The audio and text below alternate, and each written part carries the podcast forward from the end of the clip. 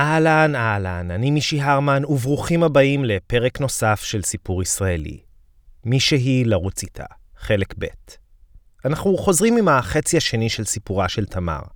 בת למשפחה ירושלמית מרובת ילדים, שמגיל 13 גדלה בעיקר ברחוב. בסוף הפרק הקודם, להזכירכם, תמר מצאה עבודה מסודרת בחנות ספרים במרכז העיר, ולראשונה בחייה גם שכרה דירה.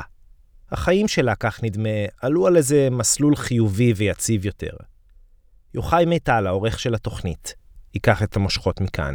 אוקיי, okay, אז אנחנו בחנות ספרים קטנה במדרחוב, במרכז העיר ירושלים.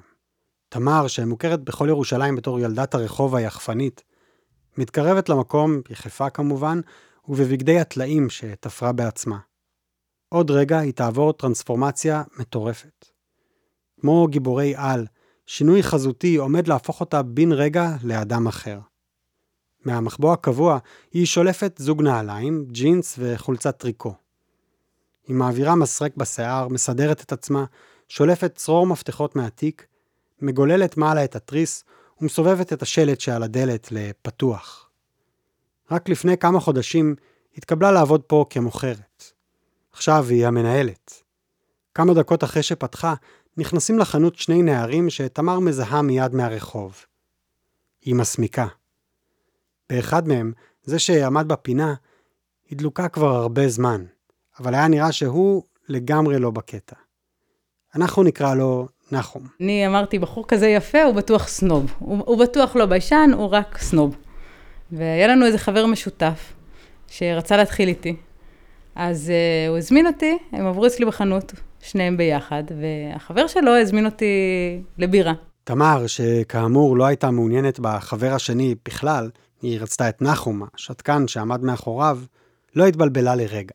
אוקיי, בוא נלך שלושתנו לשתות בירה, ואז הלכנו שלושתנו לשתות בירה. היא עשתה לנחום עיניים.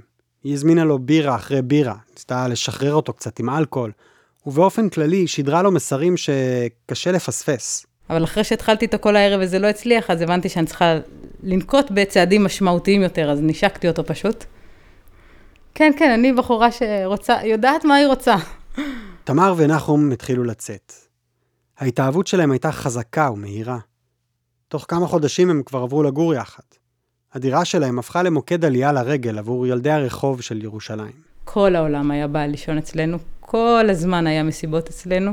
כאילו בבוקר הייתי קמה לעבוד בחנות, 90% מהזמן לא יכלתי לפתוח את הדלת של המקרר, כי מישהו היה ישן צמוד אליה ולא יכלתי להכין לי קפה. תמיד אנשים זוכרים לי, אומרים, הדירה בגזר, זה היה השם של הרחוב. אז, אז מאוד נהנינו לגור שם, והייתה לנו חיפושית כזאת עם האפנה, ששוטרים היו עוצרים אותנו כל הזמן בגללה, בלי הפסקה. ככה התחלנו לגור ביחד, כאילו ההורים שלנו חשבו שאנחנו משוגעים, כאילו ההורים שלו חשבו שזה נס שמישהי מוכנה לצאת איתו, וההורים שלי חשבו ש... היי, מישהו מוכן לצאת עם הפסיכית שלנו, איזה יופי. אז זה היה כזה, שתי המשפחות היו כזה בעננים קצת מזה. בימים תמר ניהלה את חנות הספרים ונחום עבד כפועל בניין. בלילות הם חגגו עם כל ילדי הרחוב של ירושלים. אחרי כמה חודשים, נחום החליט לעשות מעשה. לקח אותי לטיול בעיר, ב, על החומות של אה, העיר העתיקה בלילה, יש מקום שהוא קצת יותר מקורא, הייתי ישנה שם הרבה שהייתי ברחוב. היית ישנה על החומות? כן, אני קצת דואגת מזה עכשיו, כי זה כאילו מוקלט, וזה לגמרי נראה לי אסור לעשות את זה. כן. אבל כן, כן, הייתי ישנה. יש שם מקום אחד שיש בו גג יותר, והוא קצת מקורא מהגשם, אז הייתי עולה לשם. זה אחד המקומות היותר בטוחים שישנתי בהם ברחוב. אף אחד לא מגיע לשם אף פעם. יש בזה איזה פואטיקה כזאת שהחומות האלה עדיין מגינים על אנשים. זה היה מאוד רומנטי. זה היה אמצע הלילה, והוא שם את הטבעת על האצבע שלו, והוא אה, לבש כפפות כל הטיול כדי שאני לא אראה את הטבעת, ורק כשהגענו לנקודה חביבה עליי בחומות, אז הוא נתן לי את הטבעת. תמר ונחום התחתנו בחתונה סטנדרטית להפליא ביחס לזוג המדובר. רב, אולם אירועים. הוא היה צריך להזמין את כל הבני דודים, והבני דודים השניים שלו, והבני דודים השלישיים שלו. קייטרינג בינוני. אני חושבת שהאוכל היה לא משהו. הזוג תגבר את הבר, וחברים גלגלו סטוק של ג'וינטים לכבוד המאורע. קנינו הרבה אלכוהול, ובחדר בחוץ נראה לי שישנו מלא סמים. תמר אפילו לבשה שמלת כלה לבנה. הלכתי לתופרת חרדיה שתפרה לי אחת בזול. אבל דבר אחד כמובן, לא השתנה. התחתנתי בלי נעליים, שזה היה ברור כאילו לכולם, ואפילו חמותי קיבלה את זה בסוף. החתונה הסטנדרטית זרמה לירח דבש סטנדרטי, בהודו. לא הרבה זמן אחרי שחזרו, תמר כבר הייתה בהיריון. עד ההיריון עוד כל העולם היה בא לישון אצלנו, והיה שני חברים שהיו גרים אצלנו קבוע, בלי לשלם שכירות כמובן, זה רק היה בשביל הכיף שלנו ובשביל המסיבות. ואיך שהיא נולדה, העפתי את כולם מהבית. כזה, לא, אתה, אני לא רוצה פה שיכורים, אמרתי לבעלי, אתה לא מביא לפה אף אחד שהוא לא פיקח, אני מאוד מצטערת, לא יהיו פה שיכורים ליד התינוקת שלי. מאז שתמר ונחום התחילו לצאת, ולאורך כל תקופת ההיכרות והחתונה הזריזה, נחום היה בסוג של היי, עף על החיים. הזוגיות והאהבה עשו לו מאוד טוב. לפחות לתקופה הראשונה זה היה נראה שהוא נורמלי, שהוא בסדר. המעבר להורות גרמה לזוג הצעיר להתכנס ולעבור מאורח חיים פרוע לשגרה רגועה. תמר ראתה את זה כתהליך טבעי.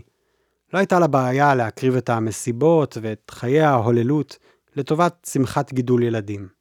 אבל את נחום, הרוטינה הזאת השקיעה בדיכאון קשה. אחרי שהבת הבכורה שלנו נולדה, הייתה לו נפילה ממש ממש גדולה.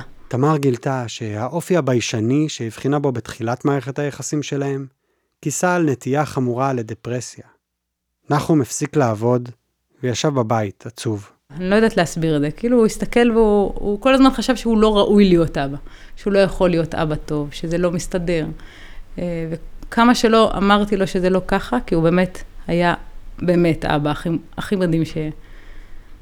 אה, אולי אני יכולה להתלונן שהוא באמת אה, לא, לא עבד אה, באופן רציף במהלך שנות נישואים שלנו, ולפעמים הוא לא ידע לקבל איתי החלטות, אבל אבא הוא תמיד היה אבא מושלם. אני בן אדם נגיד מאוד לא סבלן. אני רואה עכשיו את ההבדל, עכשיו שהקטנה שלי, היא, היא לא יודעת אפילו נגיד לקנח את זה נשמע דבר טיפשי, אבל היא לא יודעת לעשות את זה לבד, כי אני לא יודעת איך ללמד אותה את זה, אין לי סבלנות לזה. והבת הבכורה, את כל הדברים האלה תמיד ידעה לעשות מההתחלה. הוא היה יושב ומסביר לה, ומלמד אותה, ומאמן אותה, וקורא לה סיפורים, ומכין להם אוכל מושקע, וזה המון המון המון דברים שאני בכלל זה לא עולה על דעתי. בזמן שתמר לקחה על עצמה את נושא הפרנסה, עבדתי משרה מלאה פלוס. נחום היה אחראי לבת שלהם. אבא במשרה כמעט מלאה, ועבודה קצת מדי פעם כזה. למרות השינוי בהתנהגות של בעלה, החיים המשיכו פחות או יותר כסדרם. נורות האזהרה נדלקו רק כשיום אחד תמר הציצה בטלפון, ושם חיכתה לה הודעה קולית מנחום. הוא אמר, אה, אם אני לא עונה, אל תדברו איתי יותר, ואז הוא שתק ואמר משהו כמו לעולם או משהו כזה, ואני נכנסתי להיסטריה, יצאתי מהעבודה בלחץ אטומי, והלכתי להביא אותו, ידעתי שהוא היה אמור לעבוד על פיגומים באיזשהו מקום או על איזה גג, והייתי ממש בלחץ וזה, ובאתי בסוף מצאתי שהוא היה יחסית בסדר, הוא אמר לי, מה פתאום, איזה שטויות, וההודעה הייתה סתם וזה וזה, אבל אני לא, לא הייתי כבר מוכנה לשמוע, לקחתי אותו הביתה, אמרתי, נדבר על זה, נראה מה אנחנו עושים, ואז הוא באמת uh, התאשפז בפעם הראשונה. אני בזמנו אמרתי לו, להתאשפז זה קצת כמו לקבל, זה קצת כמו להתאבד בלי להתאבד. אתה מקבל חופש מכל העולם, אתה נכנס למחלקה סגורה, אתה לא צריך לשמוע אף אחד, אתה לא צריך לראות אף אחד, אתה לא צריך להרגיש אשם שהחזרת טלפונים לאנשים או לא, כולם יודעים שאתה חולה.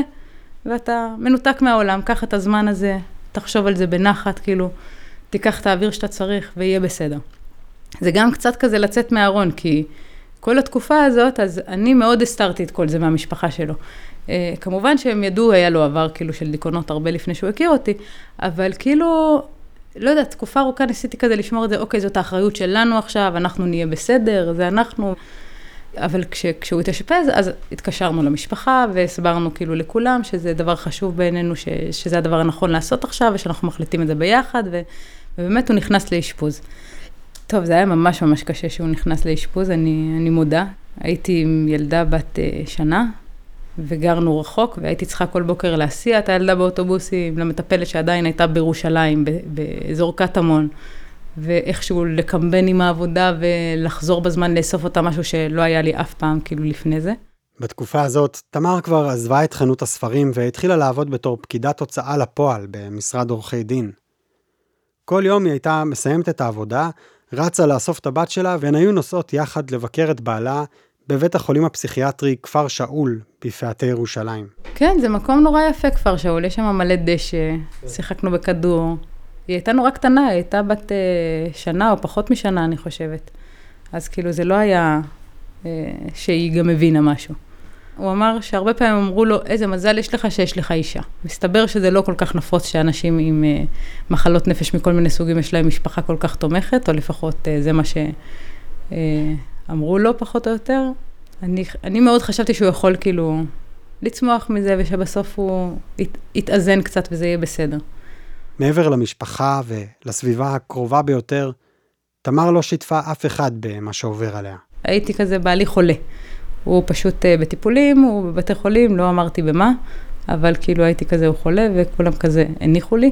היא פחדה מהסטיגמות והדעות הקדומות שמלוות מחלות נפשיות. אנשים כאילו מתייחסים לזה, חצי מהזמן הם כזה, אם רק היית רוצה, אם רק היית מתאמץ מספיק, אז כנראה שהיה יכול להיות בסדר. אני חושבת שדיכאון זה ממש, זה ממש מבחינתי מחלה כמו סרטן. זה לא, אני לא רואה שום הבדל, אפילו שמבחינת היררכיית המחלות, אם יש כזה דבר, כאילו זה נחשב בתחתית, כאילו אנשים לא מסתכלים על זה כעל משהו שהוא באמת אה, לא בשליטתו של בן אדם ושהוא פשוט נהיה חולה בזה. אני מאוד חושבת שזה ממש מחלה. ראיתי שהוא ממש נלחם בזה, הוא ממש ניסה, הוא ממש השתדל. ו... ובאמת היו לו תקופות יותר טובות. אחרי תקופה של אשפוז, נחום חזר הביתה מצויד בתרופות פסיכיאטריות. דברים נרגעו, ותמר, אופטימיסטית חסרת תקנה, ניסתה לשכנע אותו להביא עוד ילד לעולם. אני מאוד מאוד רציתי, הוא נורא פחד. הוא אמר, כאילו, אני לא יודע אם זה מתאים, אם זה יהיה הדבר הנכון לעשות, ואני חולה, ואני לא יודע אם זה יצליח, ו... אה, ואני ממש רציתי.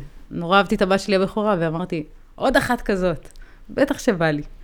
ואז, אה, אחרי שנולדה הבת שלנו השנייה, הוא הפסיק לקחת את התרופות שלו.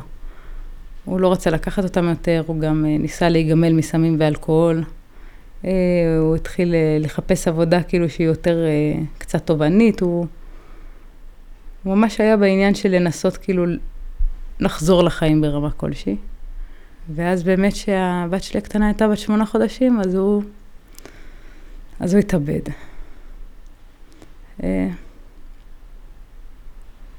אה, זה, זה ממש הפתיע אותי, כאילו. לא ציפיתי לזה אפילו קצת. אנשים אומרים לך אחר כך, איך לא ציפית לזה? כאילו הכתובת הייתה על הקיר, אבל... Uh, אבל זה לא באמת עובד ככה. זה היה בערב ואני ניסיתי לתפוס אותו והוא לא ענה לי וחשבתי שהוא עסוק. הוא היה אצל ההורים שלו, חשבתי שהוא בטח מתקן לאמא שלו את הטלוויזיה או משהו, והלכתי לישון מוקדם ודפקו בדלת, אני חשבתי שכנראה השארתי את המפתח בפנים ושהוא בא פשוט הביתה, אז פשוט פתחתי את הדלת וחזרתי למיטה. בהתחלה זה היה פשוט, אה, פשוט הלם. לא ידעתי מה לומר לבנות. הלכתי קצת לייעוץ, אז אמרו לי לומר שהוא היה ממש חולה, ושהוא, הרופאים לא הצליחו לעזור לו ושהוא מת. אה, וזה באמת פחות או יותר מה שאני אומרת להם עד היום. אז היום גם כן אני לפעמים הולכת לייעוץ, אז אומרים לי, תגידי גם, הוא היה חולה במחלה של עצובים, שהוא היה קצת יותר עצוב, ו... אה, ובאמת, כאילו, לבת הגדולה שלי היה נורא קשה לקבל את זה. איך הוא היה חולה? הוא היה נראה בריא. הוא היה מחזיק אותה, לוקח אותה למקומות, הולך איתה לטיולים, לוקח אותה לבריכה, סוחב אותה על הכתפיים. זה לא, לא נתפס לה, כאילו, העניין הזה שהוא היה חולה. זה לא משהו שהיא יכלה כאילו לשים עליו את האצבע. אה, והיא שאלה אותי על זה שוב ושוב, כאילו, כל השנה שאחרי. השנה הראשונה זה פשוט נורא. שנה שלמה, אם חייכתי, זה היה חיוך לא אמיתי, כאילו שעשיתי בכאילו. וגם כאילו, זה ברור שזה גם משתקף ב, ב, בילדות. אז כאילו, אז הבכורה היא יותר, אה, הייתה ורבלית והבינה והיה אפשר לדבר איתה. הבת שלי הקטנה הייתה בת שמונה חודשים, פשוט הפסיקה לאכול, הפסיקה לחייך. היא הייתה כאילו הילדה הכי חייכנית בעולם לפני זה, ופתאום ביום אחד היא הפסיקה, הפסיקה לחייך בכלל. אני זוכרת שראיתי תמונות שלה, של כאילו יום לפני, שהוא צילם אותה, ויש תמונה שלה שהיא אה, זוחלת על המחצלת וכולה מחייכת והעיניים שלה צוחקות. יש לי תמונה כאילו מחודש אחרי שהיא מחייכת וזה חיוך, אין בעיניים שום חיוך. זה ממש אה, עצוב לראות שילד נהיה ככה. היא לא, היא לא יודעת מה זה אבא, היא לא מבינה מה זה. אני חושבת שהיו תקופות כאילו שהיא רק למדה לדבר, והיא הייתה אומרת, אה, הייתה לוקחת בובה והייתה אומרת, זה אבא. ואם הייתי מראה לה תמונה שיש בה שלושה או ארבעה גברים, היא הייתה אומרת, זה אבא, זה אבא, זה אבא, זה אבא, על כולם. היא לא, היא לא תופסת גם היום את המושג של מה זה בכלל אבא באמת. חוץ מההתמודדות עם האבל הפרטי שלה והאבל של בנותיה, תמר הייתה צריכה גם להדוף מבטים ביקורתיים והערות עוקצניות של הסביבה. יום אחד שירדתי לגן שעשועים בשבועיים שאחרי, עם הילדות, ואיזו אישה פנתה אליי ואמרה לי, אה, בעלך התאבד, אה, בגלל שאת לא היית אה, אישה מספיק טובה בשבילו, או משהו כזה, כאילו הייתי כזה, באמת, ברצינות, את לא, בחיים לא פגשתי אותך, באיזה זכות את בכלל מדברת אליי? אבל למרות, כאילו, אף אחד... שמדברים ככה. יש, יש אנשים שמסוגלים. אנשים אומרים, הוא לא אהב מספיק את הילדים שלו כנראה. אבל, אבל זה לא העניין, העניין זה שבאמת אה, לדעת ש, שלא משנה איך זה מצטייר בעיני הסביבה. כמו שאני סיפרתי עכשיו את הסיפור שלי, ואני חושבת שאם באמת הקשבתם, אף אחד לא יכול לטעות בזה שגם, אה, שגם אהבתי אותו מאוד והוא אהב אותי מאוד, ובטח את הילדות. אבל גם כן ש, שזה לא באמת משהו שהוא בחר לעשות ב, בראש צלול. בן אדם לא באמת בוחר לעזוב משפחה וילדים ואחים והורים, זה, זה מחלה, וזה לא אשמת אף אחד שבסביבה. אפשר לנסות לעצור את זה, בטח שיש דרכים למנוע את זה, אני בטוחה. אה, אבל כמו בכל מחלה, לפעמים אתה גם מנסה את כל הדרכים ואתה מפסיד. אני הרבה פעמים חושבת שהוא פשוט חשב שהוא הוא לא אהב את עצמו, הוא היה כמו אנורקסית, כן? שהן מסתכלות במראה והן חושבות שהן שמנות, אז הוא היה מסתכל במראה והיה רואה בן אדם שהוא לא אוהב. בן אדם שאף אחד לא אוהב אותו, לא משנה כמה כולם אמרו לו, כמו שלא משנה כמה כולם אומרים לאנורקסית שהיא רזה. היא לא, היא, לא, היא לא רואה את זה, הוא לא ראה. אני בטוחה במאה אחוז שאם הוא היה יכול, הוא היה נשאר עם הילדים שלו. הוא באמת אהב אותה מאוד מאוד. אני גם בטוחה שהוא אוהב אותי מאוד מאוד. אה, שלא נדבר על שאר המשפחה שלו. ממש, אני רואה שאנשים כל כך כאילו מתביישים להגיד שה... שהיקירים שלהם התאבדו. זה כאילו הבן אדם בגד בך, או כאילו זה כאילו הצהרה לכל העולם, הוא לא אהב אותה מספיק, הוא לא אהב מספיק את הילדים שלו, או משהו כזה, כאילו, אין במה להתבייש. אלמנות כזאת היא לא שונה מאלמנות כזאת, ולשקול, לא משנה באיזה נסיבות, זה תמיד אותו כאב. ההיררכיה הזאת, כאילו, של ה... אה, כאילו, כאילו אמור לכאוב לך פחות, כי כאילו האהוב שלך בחר את זה ברמה כלשהי. זה, זה דבר שהוא הוא, גם שגוי וגם טיפשי. אני לא יכולה להגיד שאני לא ממש ממש כועסת, וואלה, הייתי חמש דקות הליכה משם. איך, איך הוא לא, איך הוא העז לא להתקשר אליי? אני, אני לא, לא מבינה את זה הרבה פעמים. אבל אין במה להתבייש. אני, אני חושבת שהוא נלחם בגבורה יותר מחצי מהאנשים שיש להם מחלות קשות. באמת, הוא נלחם המון שנים. הוא ממש, הוא ממש נלחם. והוא הפסיד. זה קורה בכל המחלות, לפעמים מנצחים, לפעמים מפסידים. אבל, אה, אבל אני לא מאמינה בלשבת ולבכות. מבחינתי זאת המחמאה הכי גדולה שאני שמה את הבנות שלי בגן בפעם הראשונה, או בבית ספר עכשיו, ולקח אולי איזה חודש לפני שכאילו אה, הסייעת, אה, דיברתי איתה על איזה משהו, היה אמור להיות יום המשפחה או משהו כזה, ונורא חשוב לי להבהיר להם שזה יום קשה בשבילה וזה. ואז אמרתי לה, כאילו, את יודעת שאני אלמנה? והיא אמרה, מה? בחיים לא הייתי מנחשת או משהו כזה. זה מבחינתי המחמאה הכי גדולה בשבילי. שהבנות שלי גדלות בלי הנטל הזה, כאילו של... כאילו, ברור שיש להם עדיין הרבה נטל של עצב. אה, אבל בכל זאת, מבחינתי אני עושה את המקסימום שאני יכולה בזה שהם לא יגדלו עצובות, הם לא, יגדל, לא יגדלו יתומות מסכנות. הם יגדלו בלי אבא, זה נכון. אבל הם בכל זאת, בכל זאת יהיו נהדרות. קטנה חזרה לחייך עם העיניים? היא חזרה, לקח לה הרבה זמן, אבל היא חזרה. לקח לה לפי דעתי שנה ויותר, עד שהיא חזרה להיות uh, בסדר. זה כיף שאנחנו חיים בעידן הסרטונים וזה. יש לי המון המון סרטונים שלהם ביחד. מה שבאמת עצוב זה שאין לי סרטונים שלו עם הקטנה, כמעט, כי היא הייתה ממש קטנה. וגם כי לא טרחתי לצלם אותו, כאילו צילמתי בעיקר אותה, אז רואים את הידיים שלו והוא עושה לה גרר וזה כאלה דברים, אבל כאילו, לא, מי צילם אותו? הוא לא היה מעניין, אז לא חשבתי שאני אצטרך לראות אותו, חשבתי שהוא יהיה שם תמיד והיא תגדל. אז צילמתי את התינוקת. הן מבקשות לראות את הסרטונים האלה? הן מבקשות הרבה פעמים, אבל אני מודה שאני עושה את זה לעיתים נדירות, כי זה, זה, זה משהו שבדרך כלל מפיל אותי. אם אני יושב, אם אני יושבת ורואה את הסרטונים שלו, אז אני, אני בשבוע אחר כך יהיה לי שבוע לא כל כך מוצלח. אני בן אדם אחר, אני לא מי שהייתי. אני לא מסוגלת לשמוח אותו דבר, אני לא מסוגלת להסתכל על דברים אותו דבר הרבה פעמים. זה, זה משנה אותך, זה הופך אותך לבן אדם לגמרי אחר. זה מעניין שאת אומרת את זה, כי, כי אתה באמת אחד האנשים, האנשים הכי שמחים שפגשתי. את, את מוצאת כאילו דרך לצחוק אה, בכמעט כל משפט שני שאת אומרת, גם על דברים שבכלל לא מצחיקים, דרך אגב. כן, זה נכון, אבל אני, אני, אני שמחה היום, אבל דברים כאילו שהיו פעם משמחים אותי בלי שום הרהור של אה, צל על הלב, זה, זה כבר לא ככה, אני לא, אני לא יכולה ליהנות מטיול בטבע פשוט וליהנות בלי שזה יהיה לי טיפת אבל על זה. זה לא אומר שאני עצובה ומדוכאת ובוכה על מר גורלי ויושבת בבית ומדכאת את הבנות שלי, ממש לא. באמת, הרבה פעמים אנשים שואלים אותי, היית עושה את זה אם היית יודעת, כאילו. אה, ותכלס אני אומרת חד משמעית, אני חושבת שכן, הוא היה שווה כל רגע. אז, אה, אז כן, זה היה, זה עדיין מאוד עצוב. אבל, אבל הוא היה שווה את זה. באמת הוא היה שווה את זה. כשבעלה התאבד, תמר הייתה בת 28. בבת אחת היא הפכה לאם חד-הורית עם פעוטה בת שלוש וחצי ותינוקת בת שמונה חודשים. בשלב הזה היא כבר עבדה כמה שנים במשרד עורכי דין. היא טיפסה מלמטה בסבלנות ובעקביות. בהתחלה הייתה עובדת back office. מה זה back office? Back office זה מי שעושה את התיוקים, עונה לטלפונים, מסדר את היומן, מקליט דברים במחשב. עבודה שלא דורשת ממך כישורים אה, אינטלקטואליים כבירים, בוא נגיד את זה ככה. משם עברה להיות פקידה משפטית, ותוך כדי היא נרשמה ללימודי ערב בפקולטה למשפטים במכללת קריית אונו. הלימודים היו לי נורא חשובים כי בלי מקצוע באמת ביד, אני לא רואה איך אני מחזיקה את הבית הזה. הרי ידעתי שבעלי לעבוד ממש הוא לא מסוגל, הוא היה נכה מוכר 100% על ידי ביטוח לאומי. וידעתי שאם אני לא אפרנס את הבית, אז אף אחד לא יעשה את זה. אחרי מותו של נחום, התובנה הזאת קיבלה משנה תוקף ודחיפות. יום אחרי השבעה, היא כבר חזרה לקמפוס ונכנסה לשיעורים. היא לא רצתה להפסיד עוד חומר ולסכן את התואר. אני לא יודעת מה חשבתי לעצמי, כאילו אנשים לא הסתכלו לי בעיניים כזה. היחיד שהיה נחמד אליי היה המרצה, שהוא אה, בן אדם ממש מדהים, ושהוא אמר לי שהוא שמע ושהוא משתתף בצערי, ושלא הייתי צריכה לבוא או משהו כזה. כשסיימה את הלימודים, היא הפכה למתמחה באותו המשרד שבו החלה לעבוד כפקידה.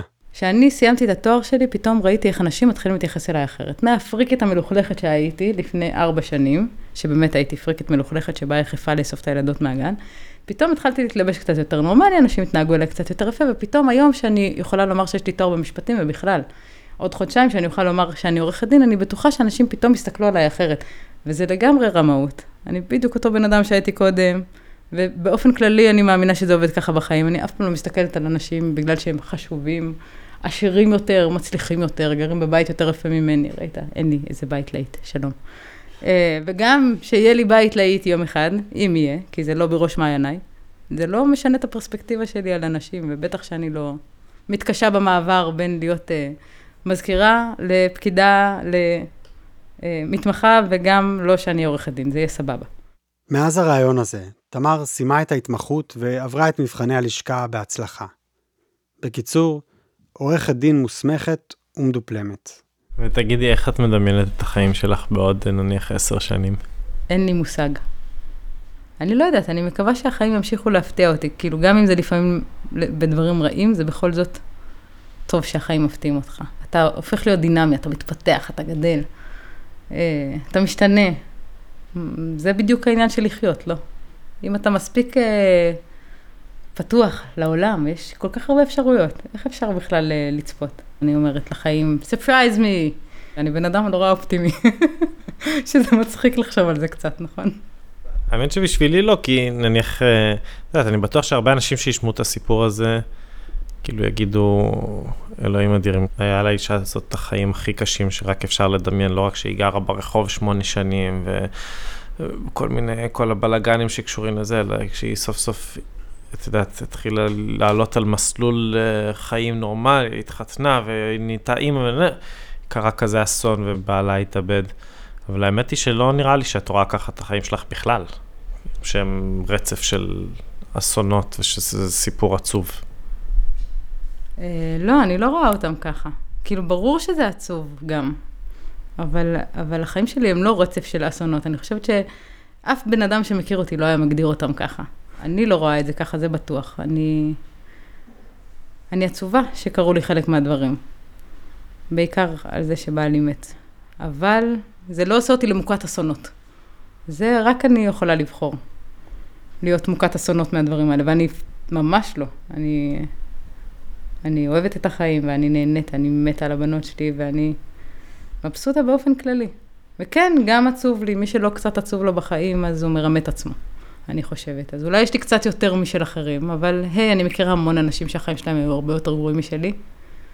והמון אנשים שהחיים שלהם היו הרבה יותר קלים משלי, והם עדיין הרבה יותר בחרא ממני. כי חצי מזה זה מה שאתה בוחר. ואיפה שאתה בוחר לשים את זה, וזה נשמע כזה ניו אייג'י וזה, ואני כזאת, לא כזאת, אני כזה בן אדם לוגי שלא, שלא מאמין בניו אייג' וכל זה, אבל תכל'ס זה פשוט נכון, אין לי מה לומר. ניצחתם אותי, כל הניו אייג'ים בעולם ניצחתם, אין לי מה לומר.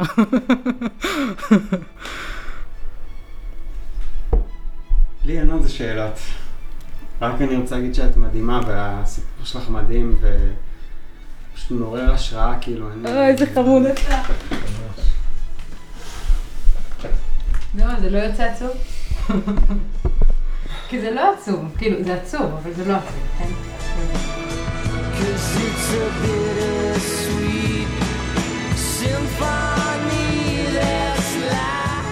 יוחאי מיטל, המפיק הראשי שלנו, יצר וערך את הסיפור הזה.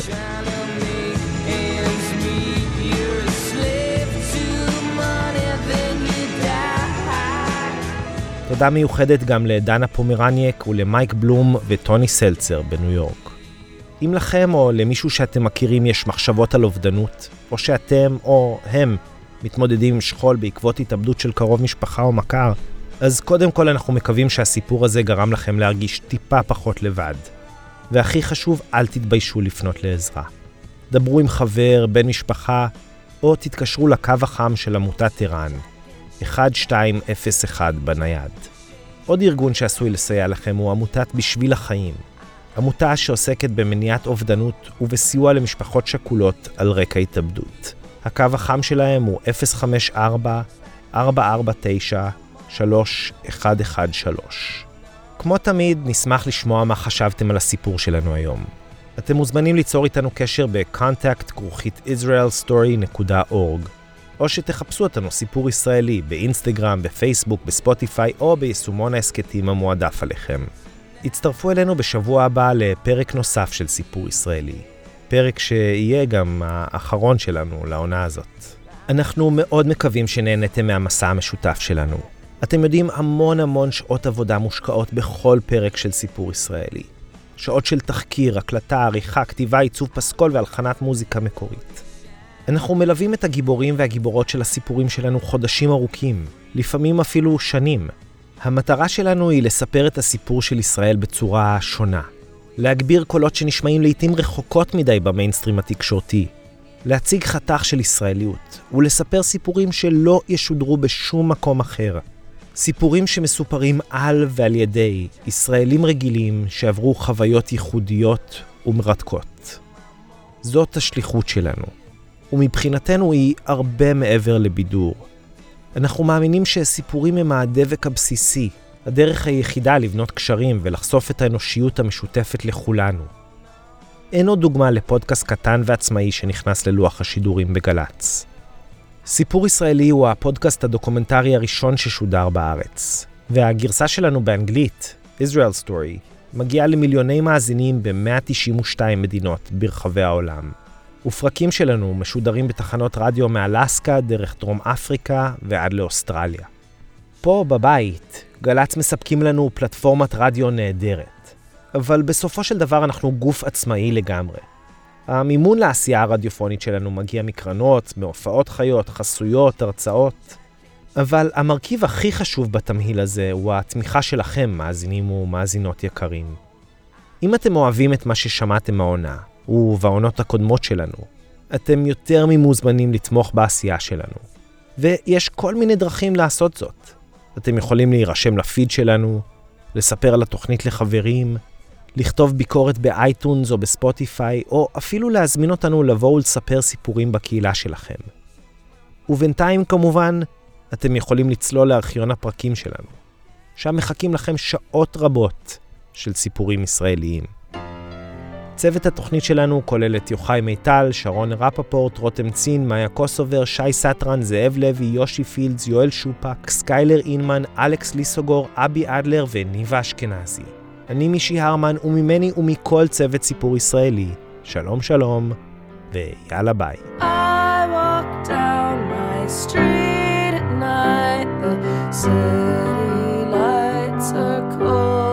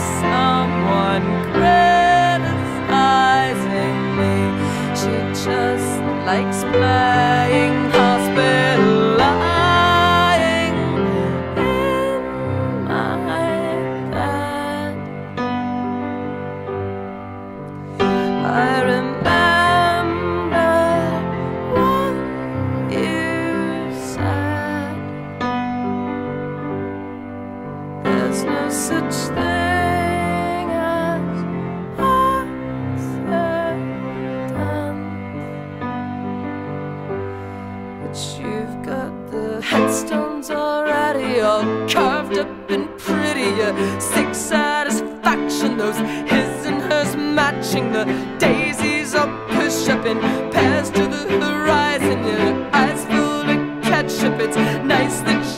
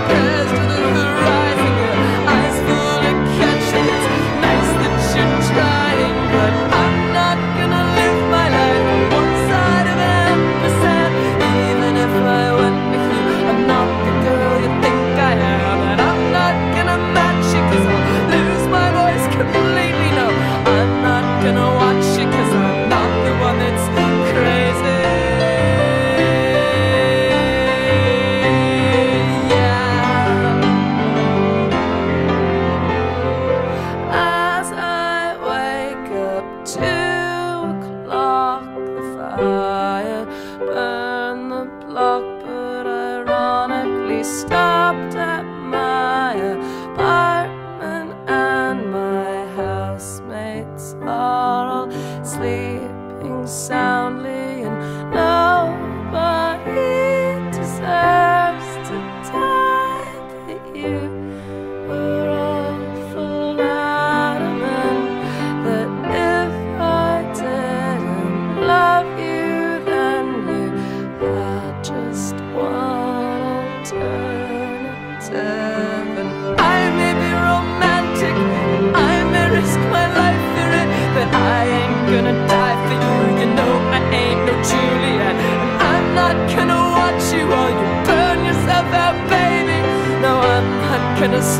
Cause I'm not